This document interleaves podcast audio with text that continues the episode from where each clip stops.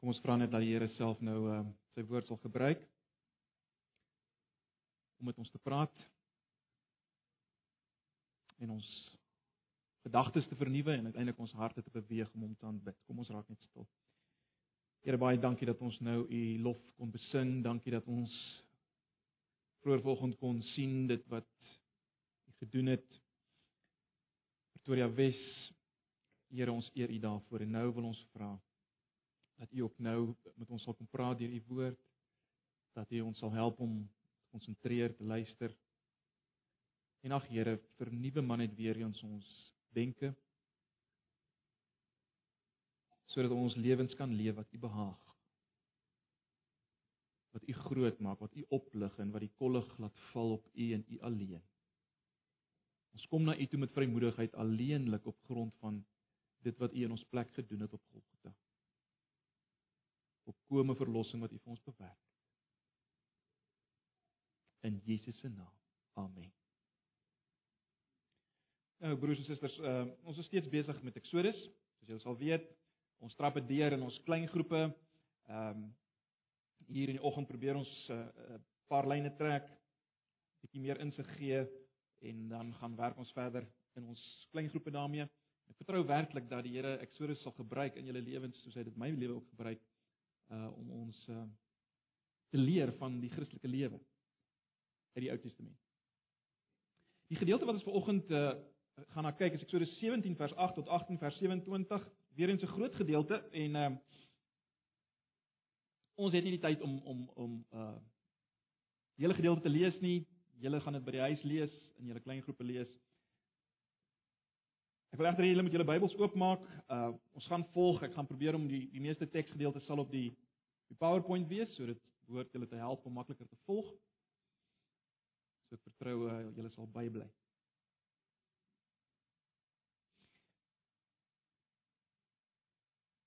Ek dink 'n vraag waarmee elke kind van God sit en baie mense wat nog nie kinders van die Here is nie, is die vraag: wat kan ek verwag van die Christelike lewe? Wat kan ek verwag van die lewe as kind van God. Ek meen daar's soveel stemme, né? Daar's soveel idees oor oor wat dit behels. Daar's ouens wat sê as jy 'n Christen word, kan jy voorspoed verwag. As jy 'n Christen word, kan jy voorspoed verwag. Hoe waar dit sê jy moet voorspoed verwag, anders is daar waarskynlik sonde in jou lewe. Uh en broers en susters, een van die vinnig groeiendste gemeentes in Pretoria leer in 'n sekere sin dit eksplisiet. Die sogenaamde voorspoed teologie. Maar dan is daar ander ouens wat sal sê wel die Christelike lewe is 'n soort van 'n let go and let God lewe. Jy hoef eintlik niks te doen nie. Die Here het alles gedoen en jy moet maar net eenvoudig uh, rus in wat hy gedoen het. Dis dit, daar's niks meer nie. En dit laat ons natuurlik met die vraag, wat behels die Christelike lewe? Uh kom ons dink aan aan aan hele vraag wat is reg en verkeerd in die Christelike lewe?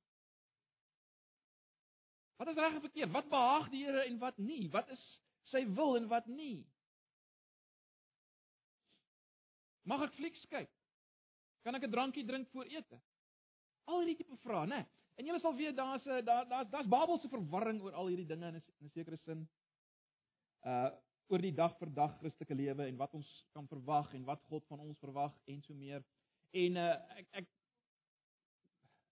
dat dit so stel, ek dink jy sal my saamstem, uh geen enkele preek of selfs 'n paar preke kan kan uh hierdie vraag totaal laat verdwyn nie.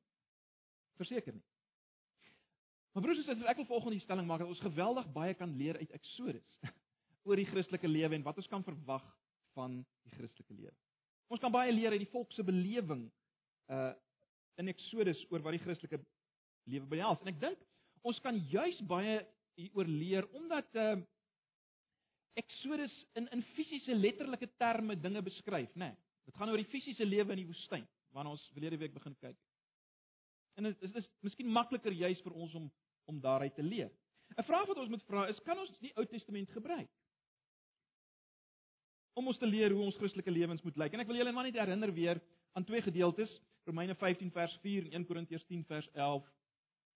Uh, ons het daarna gekyk verlede Sondag. Alles wat vooraf in die skrif opgeteken is, is tog opgeteken om ons te leer sodat ons deur die standvastigheid en bemoediging wat die skrif ons gee vol hoop kan wees. verwys na die Ou Testament. Alles wat opgeteken is vir ons opgeteken. 1 Korintiërs 10 vers 11, nou 1 Korintiërs 10 gaan spesifiek oor die volk se belewing in die woestyn. En daar lees ons al hierdie dinge het hulle oorgekom, al die dinge wat hulle in die woestyn oorgekom het as voorbeelde en is opgeskrywe uh, opgeskrywe as 'n waarskuwing aan ons op wie die eindes van die eeue gekom het. Dis ons wat lewe in die tyd na die koms uh die sterwe en die opstanding van Jesus Christus. So ons kan die Ou Testament gebruik.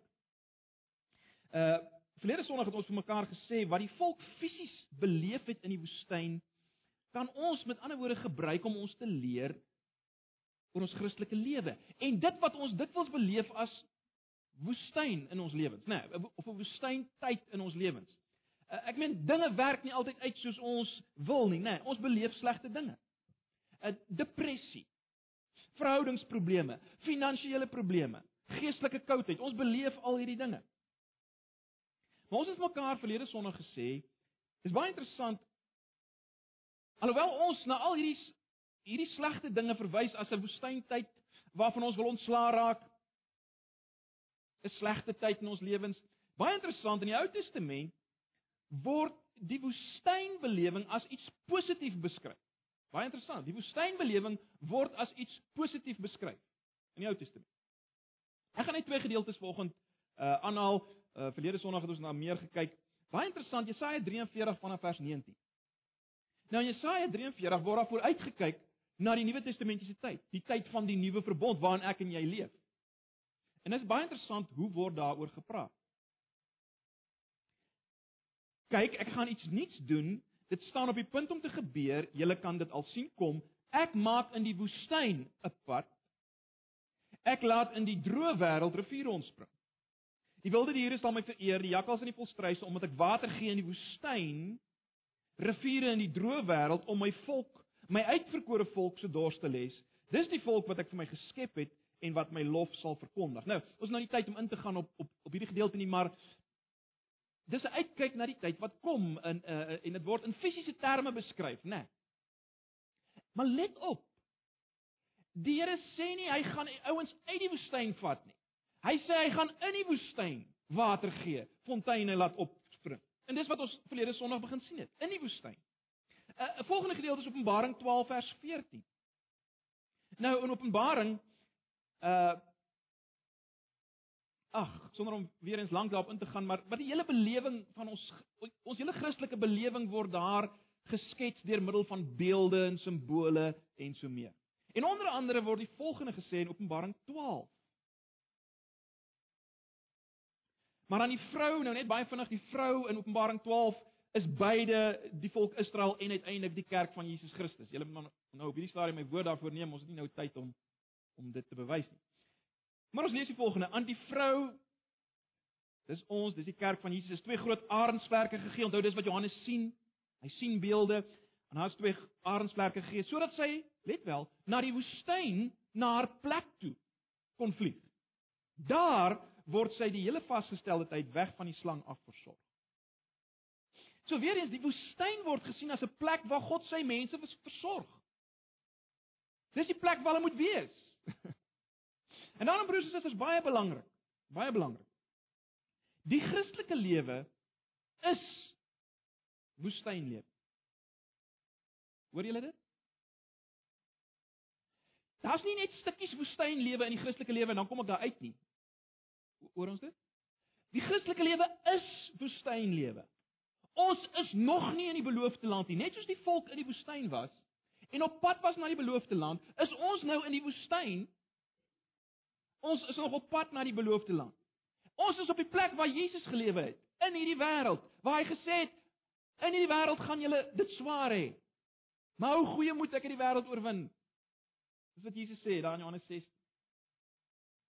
Met ander woorde, ons is hier waar daar hartseer is en teenspoed en depressie en siekte en geestelike dooie tye. Dis waar ons nou lewe.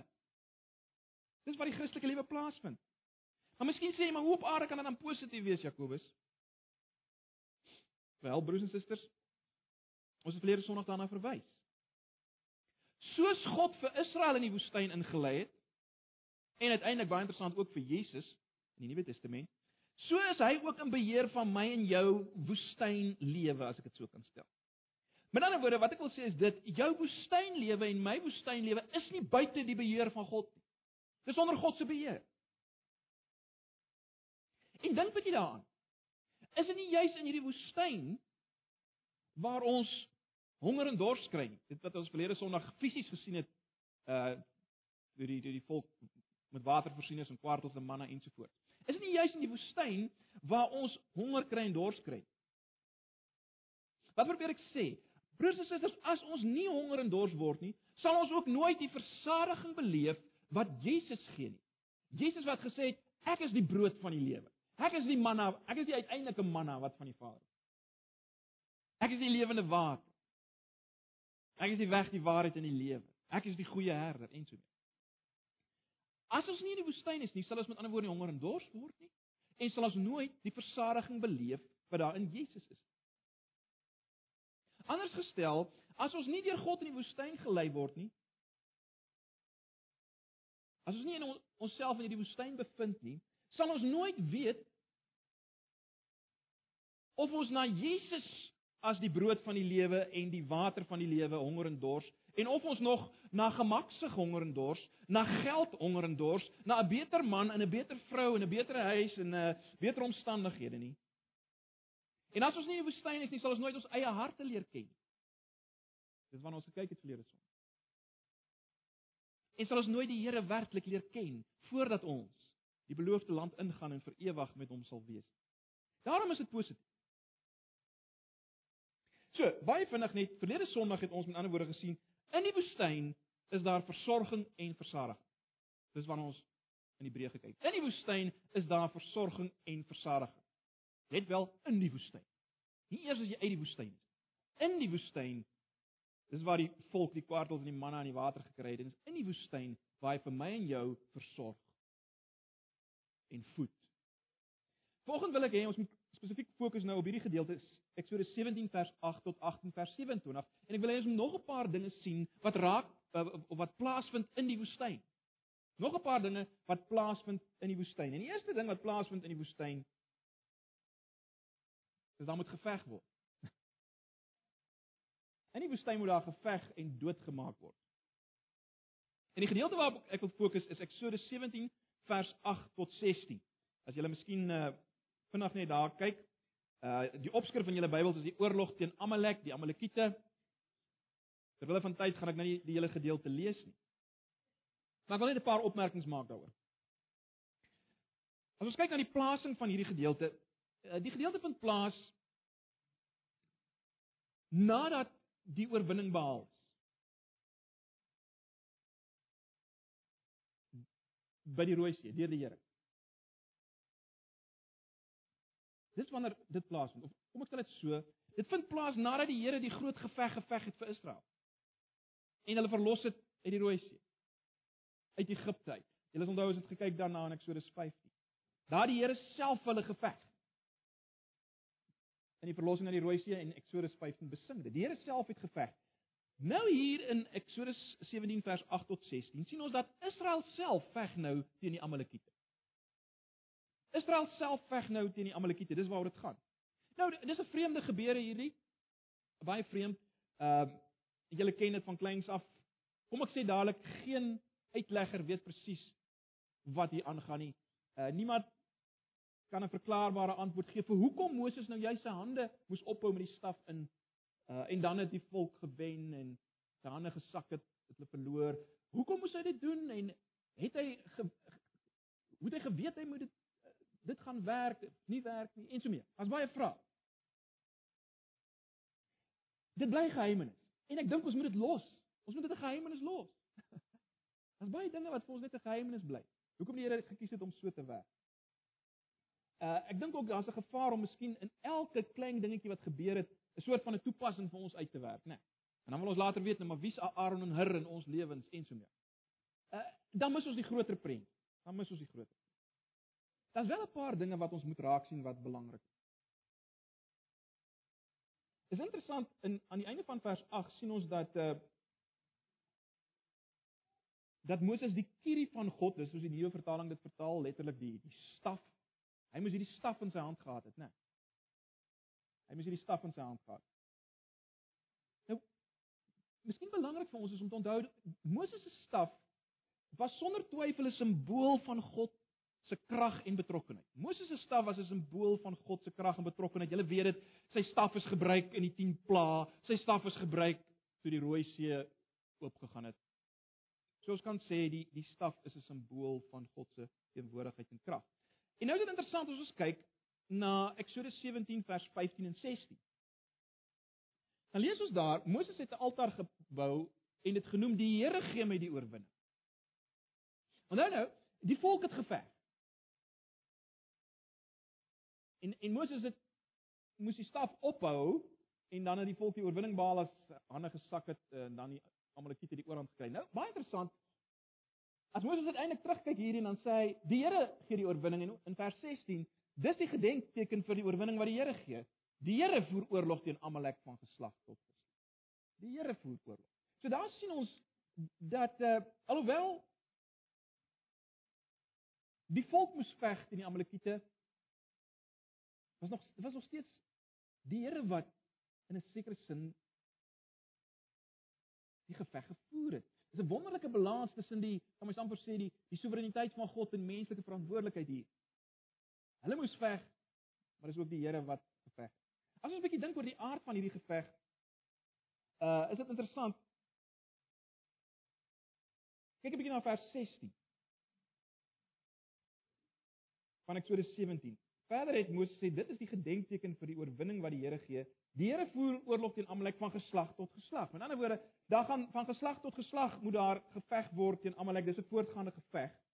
Maar in vers 13 lees ons Joshua het die Amalekiete heeltemal verslaan. In vers 13, Joshua het die Amalekiete heeltemal verslaan. En dan in vers 16 lees ons die uh, ehm um, In die begin van vers 16 het ons gelees dit is die gedenkteken vir die oorwinning wat die Here gee. So, ek weet julle moet dit raak, dit is interessant. Met ander woorde, daar's 'n voortgaande geveg teen die Amalekiete in vers 16, maar hierdie voortgaande geveg moet gesien word in die lig van die vernietiging. Hulle is alreeds vernietig in vers 13 en die uiteindelike oorwinning is ook nie onseker nie. Die Here gee die oorwinning. Maar daar's nog 'n geveg. En en en hou dit in gedagte as ons nou bietjie dink oor ons eie situasie.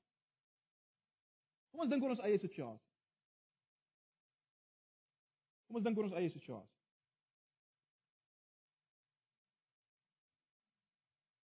Nou, as ons kyk na ons, as ons bietjie dink oor ons eie situasie. Onthou, ons moet nou leer uit dit wat ons hier sien uit die fisiese, die letterlike. Hoe moet ons dink oor ons eie geveg? Nou, In die Nuwe Testament waarop baie gepraat oor oor ons geveg. Uh julle sal julle julle almal ken Efesiërs 6, ons het al daarna verwys wat sê Efesiërs 6 vers 10, ons worstelstryd is nie teen vlees en bloed nie, maar teen die owerhede, die magte, die bose geeste in die lig. Mens kom daarna gekyk het, maar ek dink tog 'n gedeelte wat baie goed vir ons weergee wat geestelik gesproke ons geveg is en en en en waarteen ons geveg het is dit 'n gedeelte soos Kolossense 3. Mense sou ook kon kyk na Romeine 6, maar maar Kolossense 3. En ek wil net 'n paar goed daar uitlig uit Kolossense 3. As ons kyk na ons eie geveg. Wat plaasvind in die woestyn? Interessante Kolossense 3 vers 12 word daar spesifiek gesê julle die gemeente aan Kolossense en daarom ons is die uitverkore volk wat God baie liefhet. Ons is God se volk. As mens bietjie teruggaan in Kolossense 2 vers 15 word daar beskryf hoe ons oorwinning klaar behaal is deur Jesus. Uh, ek het maar net een vers daar aangehaal uh, wat sê hy, dis Jesus het elke mag en gesag ontwapen en hulle in openbaar vertoon deur hulle as gevangenes in die triomftog van Christus mee te voer. In ander woorde, net soos Israel se geveg met Amalek plaasgevind het nadat God vir hulle die oorwinning gegee het, Jesus het die finale oorwinning behaal alreeds op Golgotha. Daar is die Satan verslaan, sonde oorwin, oorwinning behaal op Golgotha. So Jesus het ons groot vyand reeds oorwin, maar dan is dit interessant. Kyk na Kolossense 3 vers 5. Kolossense 3 vers 5. Daarom moet julle die aardse dinge doodmaak. Nee, hier's 'n oproep op ons. Ja, Jesus het reeds die oorwinning behaal vir ons, die geveg gewen, maar hier's 'n oproep ons moet doodmaak. Nie let go and let God nie, julle moet doodmaak.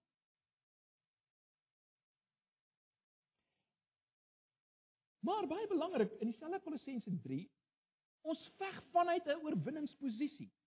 Kyk na Kolossense 3 vers 1. Algesien julle saam met Christus uit die dood opgewek is, julle is klaar opgewek uit die dood. Vanuit God se perspektief, is julle opgewek, moet julle streef na die dinge daarbo waar Christus is, waar hy aan die regterhand van God sit. In ons geveg ons gaan nou spesifiek kyk teen wie ons moet veg. Maar in ons geveg moet ons besef ons is reeds opgewek saam met Christus. Die een wat die oorwinning behaal. Ons veg vanuit 'n oorwinningsposisie. Ons veg vanuit 'n oorwinningsposisie. Teen wie veg ons? Teen wie veg ons? Kyk na Kolossense 3 vers 5 en 8. Luister mooi. Daarom moet julle die aardse dinge doodmaak wat nog deel van julle lewe is, onsedelikheid, onreinheid, welis, slegte begeertes en gierigheid wat afgoderry is. En dan in vers 8, maar nou moet julle al hierdie dinge laat staan: woede, haat, nait en gevloek. Vuil taal moet daar nie uit julle mond kom nie. Moenie vir mekaar lieg nie. Julle het met die ou sondige mens en sy gewoontes gebreek. In kort, ag broers en susters, ons het volgens nie tyd om baie in te gaan hierop nie. Teen wie is ons geveg? Ons geveg is teen daardie dinge in ons lewe wat nog deel is van ons ou lewe voordat ons kinders van God geword het. Met ander woorde, ons ons geveg is teen die ou mens wat anders is as Jesus Christus. Ons geveg is teen alles wat anders is as Jesus wat opgestaan het saam met wie ons reeds opgewek is uit God se perspektief volgens Kolossense 3 vers 1, saam met wie ons daar alreeds geestelik gesproke is. Alles wat nie daarbey pas nie in ons lewens. Daarteen moet ons veg en doodmaak. En die goed word hier genoem van hierdie goed, né? Onsedelikheid, onreinheid, welis, slegte begeerte, woede, haat, nait, gevloek, vuil taal. Maar daar's baie meer. Die ou sondige mens en sy gewoontes. Dit wat nie pas by die mens wat saam met Jesus nou opgestaan het nie. Dit moet doodgemaak. Maar nou weet ek, ons praat so maklik daaroor, né? Nee, jy moet dit doodmaak. Maar hoe doen jy dit? Hoe doen jy dit? Hoe veg ons? Hoe maak ons dood? Wel, net baie vinnig 'n paar gedagtes. Dit begin met 'n denkverandering. Begin met 'n denkverandering, né? Nee.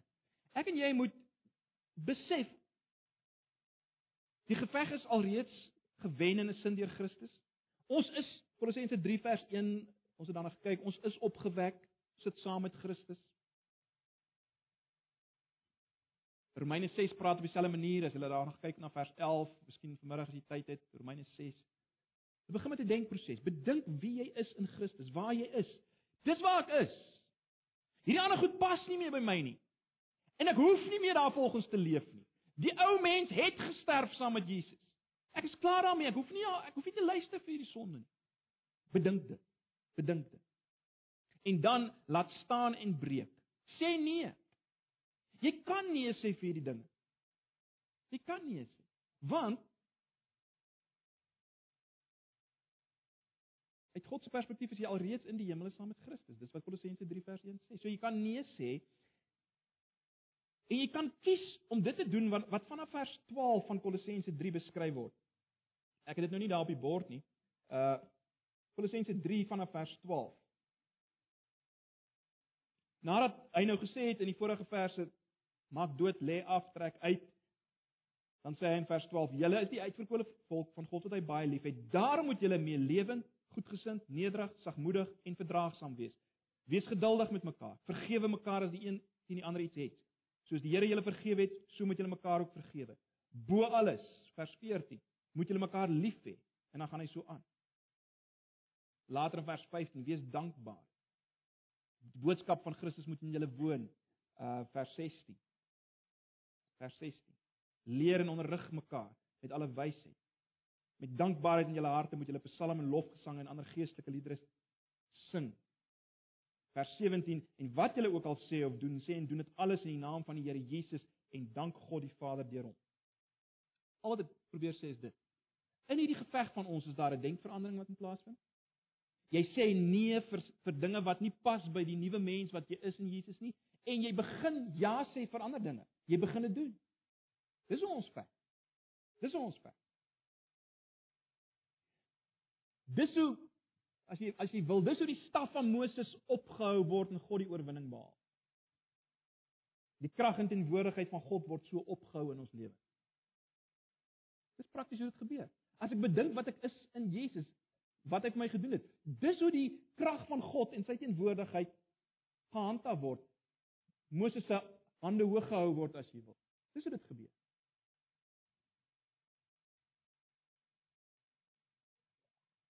Maar nou baie belangrik. Onthou nou wat sê ons mekaar. Dit vind plaas in die woestyn. Hierdie geveg in ons lewens vind plaas in die woestyn. Met ander woorde, terwyl jy sukkel met depressie, terwyl jy terminaal siek is,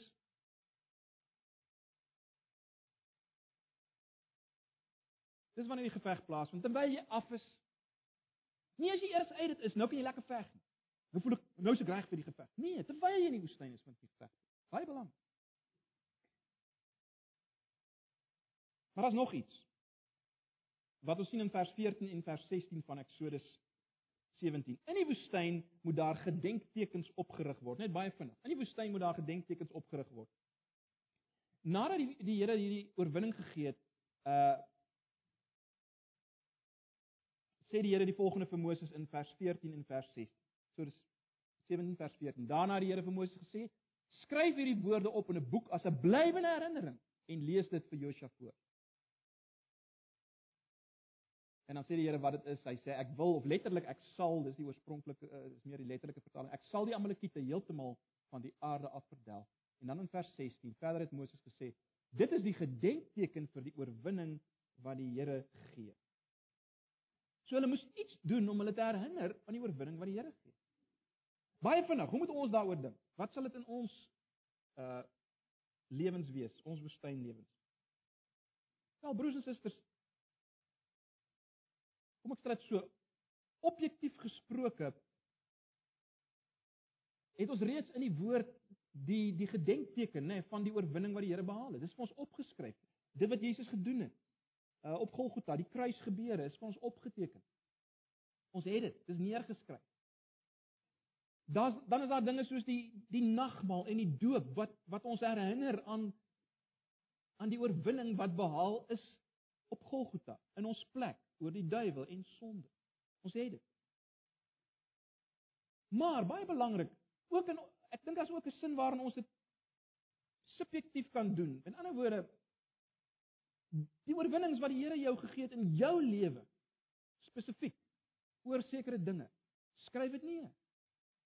Dink daaroor. Dink daaroor. Elkeen van ons is in 'n sekere sin 'n lewende gedenkteken van wat die Here al gedoen het. In 'n minder of meerdere mate. So ons moet onsself daaraan herinner, né? Nee, ons ons het die vaste gedenktekens, die woord en die tekens wat wat ons uh, wat die Here vir ons gegee het, die nagmaal en die doop, maar ook subjektief kan ons dinge neerskryf om ons daaraan te herinner. En weer eens dit vind plaas in die woestyn. Terwyl dit met ons nie so goed gaan nie. Kan ons neerskryf. Die oorwinnings wat die Here vir ons gegee het te midde van ons swaar kry, te midde van die lewe in die woestyn. Dan, die volgende ding, in die woestyn moet ons moet mense hoor van die groot dade van God. Eksodus 18 vers 5 tot 12. In die woestyn moet mense hoor van die groot dade van God. Baie interessante gedeeltetjie. Uh Julle sal dit nou lees as julle voorberei vir die Bybelstudies. Uh ons sien dat Jethro Moses se skoonpa wat 'n Midianiet is, let wel, hy's 'n Midianiet. Heidense agtergrond. Hy kom na Moses hier in die woestyn en hier in die woestyn hoor hy van wat die Here gedoen het en in die woestyn getuig Jethro dat die Here is God. Hy's bo almal. Hy's groter as enige God. Nou ons wat nou die verbond gedoen het in Genesis weet dis eintlik 'n waarmaak van God se beloftes aan Abraham.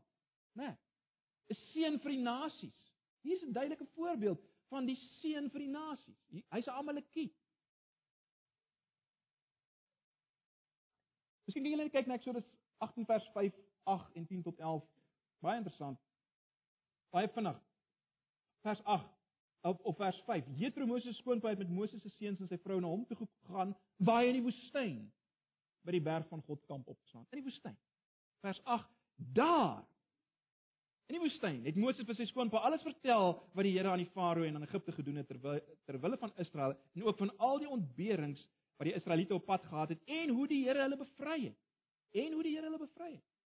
Daar in die woestyn praat hy daaroor. En kyk nou na Jethro se reaksie in Eksodus 18 vers 10 tot 11.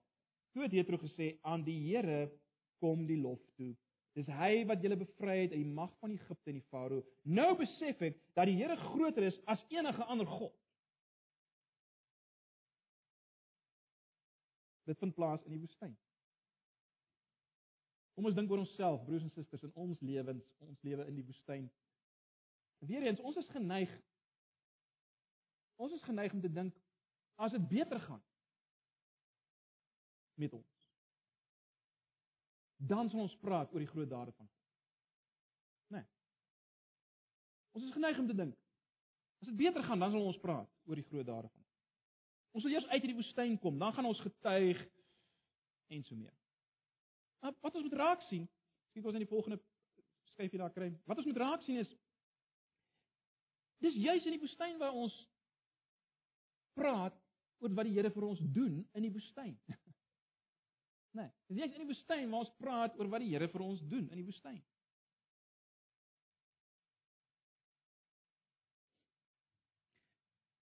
Terloops ons sien iets hier van wat getuienis behels, nee, dit dit gaan oor die praat praat oor wat God gedoen het. Nie fokus so seer op onsself nie, maar oor wat God gedoen het.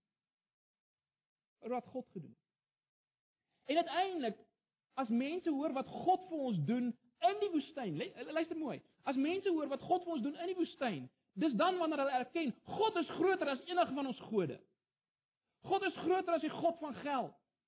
God is groter as die God van sukses.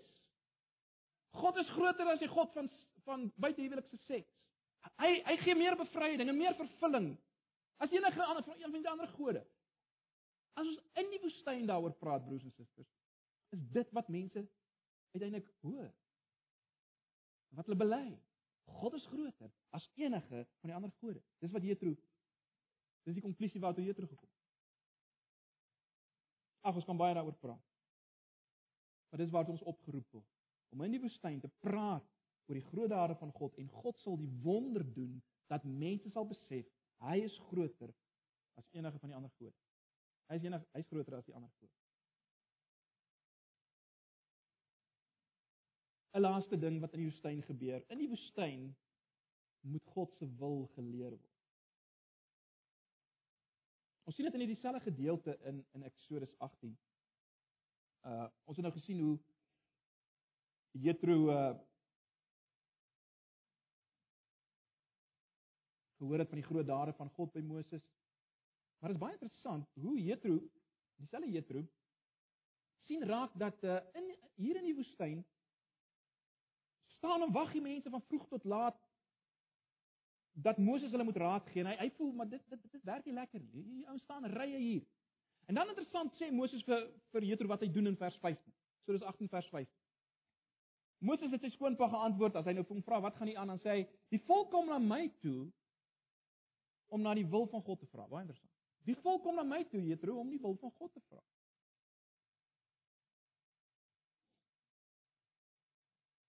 Nou baie belangrik om nou te verstaan, hierdie gebeure wat hier plaasvind.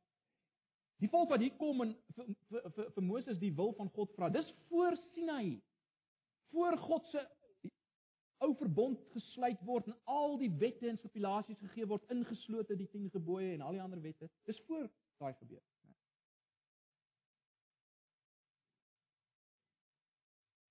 Maar goed, dis wat Moses sê. Dit dis wat die volk doen. Hulle kom om die wil van die Here te vra by my. En dan sê stem Jethro saam in vers 20 en hy sê die volgende vir vir Moses. Hy sê vir hom ja, druk die volk die voorskrifte en wette op die hart. Leer hulle om die pad wat hulle uh, leer hulle die pad wat hulle moet loop en wat hulle moet doen.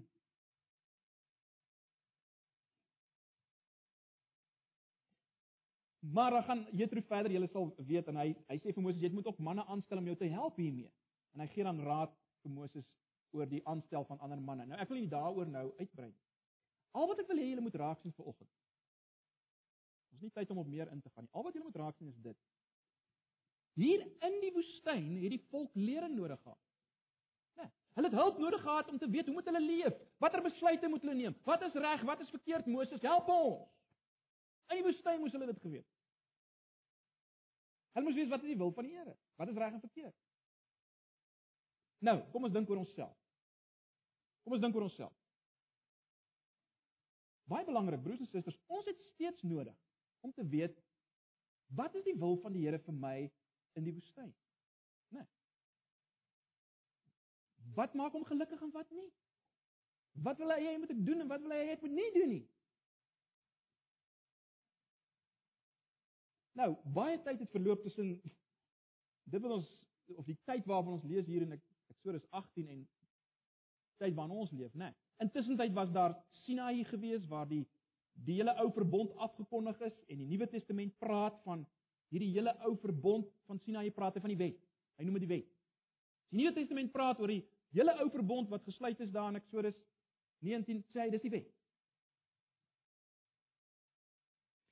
Baie belangrik vir ons vanoggend is dit.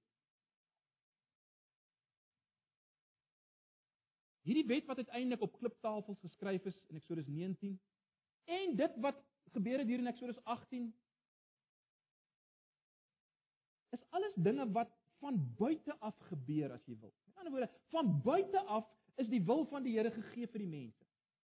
Geskryf op kliptafels. Dit was buite hulle. Dit was buite. Hier in Eksodus 18 en uiteindelik by Sinai. Die Ou Testament kyk vooruit na 'n tyd wanneer dit anders gaan wees. Kyk net na Jeremia 31 vers 33. As daar gepraat word oor die nuwe verbondstyd. Wat word gesê? Dit is die verbond wat ek in die toekoms met Israel sal sluit, sê die Here. Ek sal my woord op hulle harte skryf. En dit hulle in hulle gedagtes vas lê. Ek sal hulle God wees en hulle sal my volk wees. Baie interessant. 'n Man sal nie meer vir sy buurman of sy broer voorhou jy moet die Here dien nie. Nou dis wat Moses moes doen in Eksodus 18. Nou sê die Here in die Ou Testament in die in die profete, daar kom 'n tyd wat dit anders gaan wees. En broers en susters, dis die tyd waarin ek en jy leef.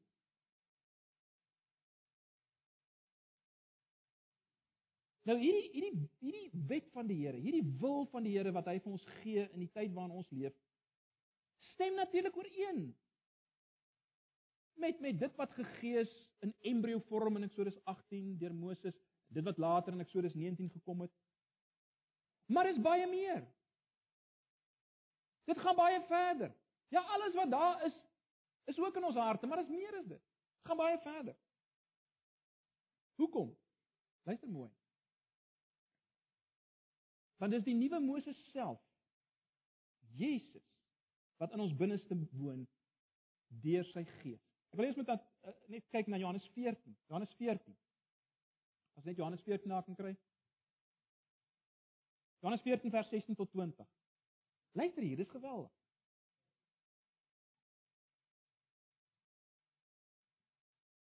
Jesus sê ek sal die Vader vra en hy sal vir julle 'n ander voorspraak stuur om vir ewig by julle te wees. Dis Johannes 14 vers 16. Ek sal die Vader vra en hy sal vir julle 'n ander voorspraak stuur om vir ewig by julle te wees. Nou letterlik die woord ander daar is ander 'n ander een van dieselfde soort. En dan sê hy, wie dit wie is dit? Dis die gees van die waarheid. Die wêreld kan hom nie ontvang nie omdat hulle hom nie sien en hom nie ken nie, maar julle ken hom omdat hy by julle bly en in julle sal wees. En dan Johannes 14 vers 20. Daardie dag sal julle weet dat ek in my Vader is en julle in my en ek in julle. Dink 'n bietjie daaroor broers en susters. Dink 'n bietjie. Wat sien ons in Eksodus 18? Moses sê vir die volk wat hulle moet doen. Hy leer hulle die wil van die Here. Die nuwe Moses, die laaste Moses, die finale Moses, Jesus, leer ons nie van buite af nie. Wat sê hy? Wat sê hy? Hy sê ek sal ek is in julle. Ek is in julle. Ek is in julle. En dis dieselfde waarheid wat Galasiërs 5 vanaf vers 18 vir ons leer, né? Maar as julle deur die Gees, julle deur die Gees laat lei, staan julle nie meer onder die wet nie. Onthou, wie is die ander voorspraak? Die ander een van dieselfde soort wat na ons terugkom, die Gees. Jesus. Deur sy Gees wat nou in ons. En dis wat Galasiërs sê. En hy sê dan gebeur iets. Dan is dan dra jy 'n vrug. Dan kom dinge van nature uit julle uit. Dit hoef nie meer van buite af julle jy moet dit en jy mag nie dit nie en jy moet so en jy mag nie dat nie. Nee, nee. Sekere dinge kom uit van uit jou binneste want Jesus is in jou binneste. Die Gees is in jou binneste en sekere dinge vloei uit as 'n vrug. Liefde, vreugde, vrede, geduld, vriendelikheid, goedhartigheid, getrouheid, nederig en selfbeheersing. Vers 25 ons lewe deur die Gees dat die Gees nou ook ons gedrag bepaal. sien julle dit? Dis hoe ek en jy, broers en susters, in die woestyn weet wat die wil van die Here. Deur die Gees wat in ons woon. En daarom gaan ons baie verder en ons ons heilig maak baie dieper. En ons verstaan van wat die Here wil baie meer as wat die volk in die woestyn gehad het.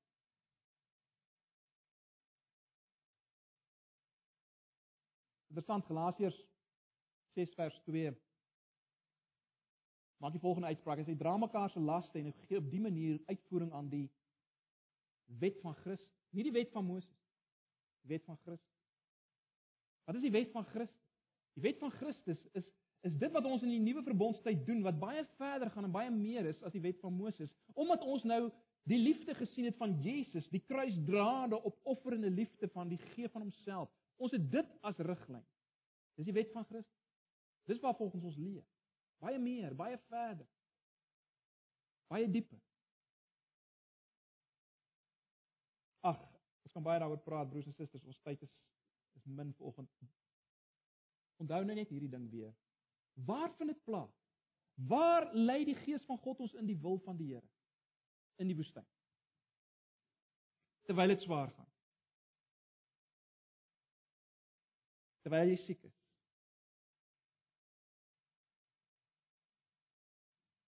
Terwyl jy onder versoeking is. Dis waar die Gees jou die wil van God leer.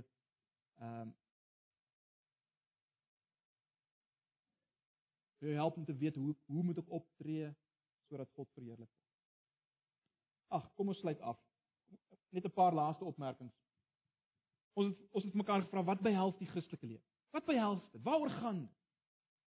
En die eerste belangrike ding wat ons net vanoggend mekaar gesê het, is die Christelike lewe vind plaas in die woestyn. Ons is nog nie, broers en susters, ons moet dit vat vanoggend. Hierdie kant van die graf, hierdie kant van die graf is ons nog nie in die beloofde land nie en julle het dit seker almal agtergekom, né? Hierdie kant van die graf is ons nog nie in die beloofde land nie. Ons is in die woestyn, maar dis 'n goeie plek om te wees. Dis 'n goeie plek om te wees. Hoekom? Want dis waar ons gevoed en versorg word in hierdie woestyn. Dis waar hy ons water gee homself. Dis waar hy vir ons manna gee, homself in die woestyn, homself. Maar dis nie 'n lewe van let go and let God nie. Dis 'n lewe waar ons veg vanuit die oorwinningsposisie wat ons het in Christus. En dis 'n lewe waar ons herinneringstekens vir onsself oprig in die woestyn van die Here se werking in ons lewens en die oorwinnings wat hy ons gee. Dit vind plaas in die woestyn. En is hier in die woestyn waar ons die groot dade van God bekend maak. En waar mense die wonder van wedergeboorte ervaar en van 'n verstaan dat God is meer as die gode van die wêreld. Dit wat die wêreld kan bied.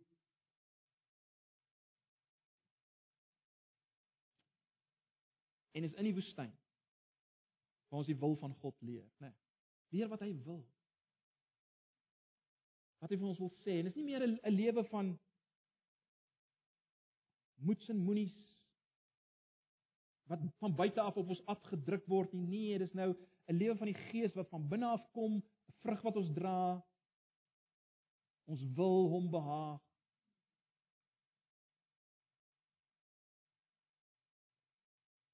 Ag, broers en susters, mag die Here ons help om om dit te, te vat vanoggend. As jy vanoggend verward is en jy wonder, okay, hierdie Christelike lewe, waaroor gaan dit? Daar's so baie idees, daar's so baie opinies. Waaroor gaan dit? Wat wat wat wil die Here hê? Wel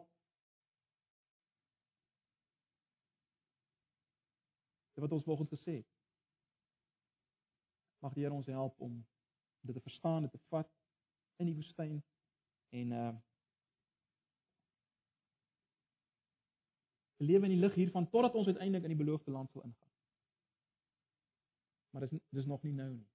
Maar is in hierdie woestyn, broers en susters, wat die Here vir ons strome van water in die dors van voed, versorg, help, lei by ons is. Wys wat in ons harte is, ons verander in die woestyn. Kom ons bid saam. Ag Here, baie dankie vir u woord vanoggend. Ons eer u daarvoor. Ons wil vra dat u sal voortgaan met die werk in ons, met ons in die woestyn tot eer en verheerliking van u self. Bo alles Here dat ons deur dit alles wat ons vanoggend oor gepraat het, u sal aanbid. Met wat ons dink, wat ons sê, wat ons doen, alles. Asseblief. Ons vra dit in Jesus se naam. Amen.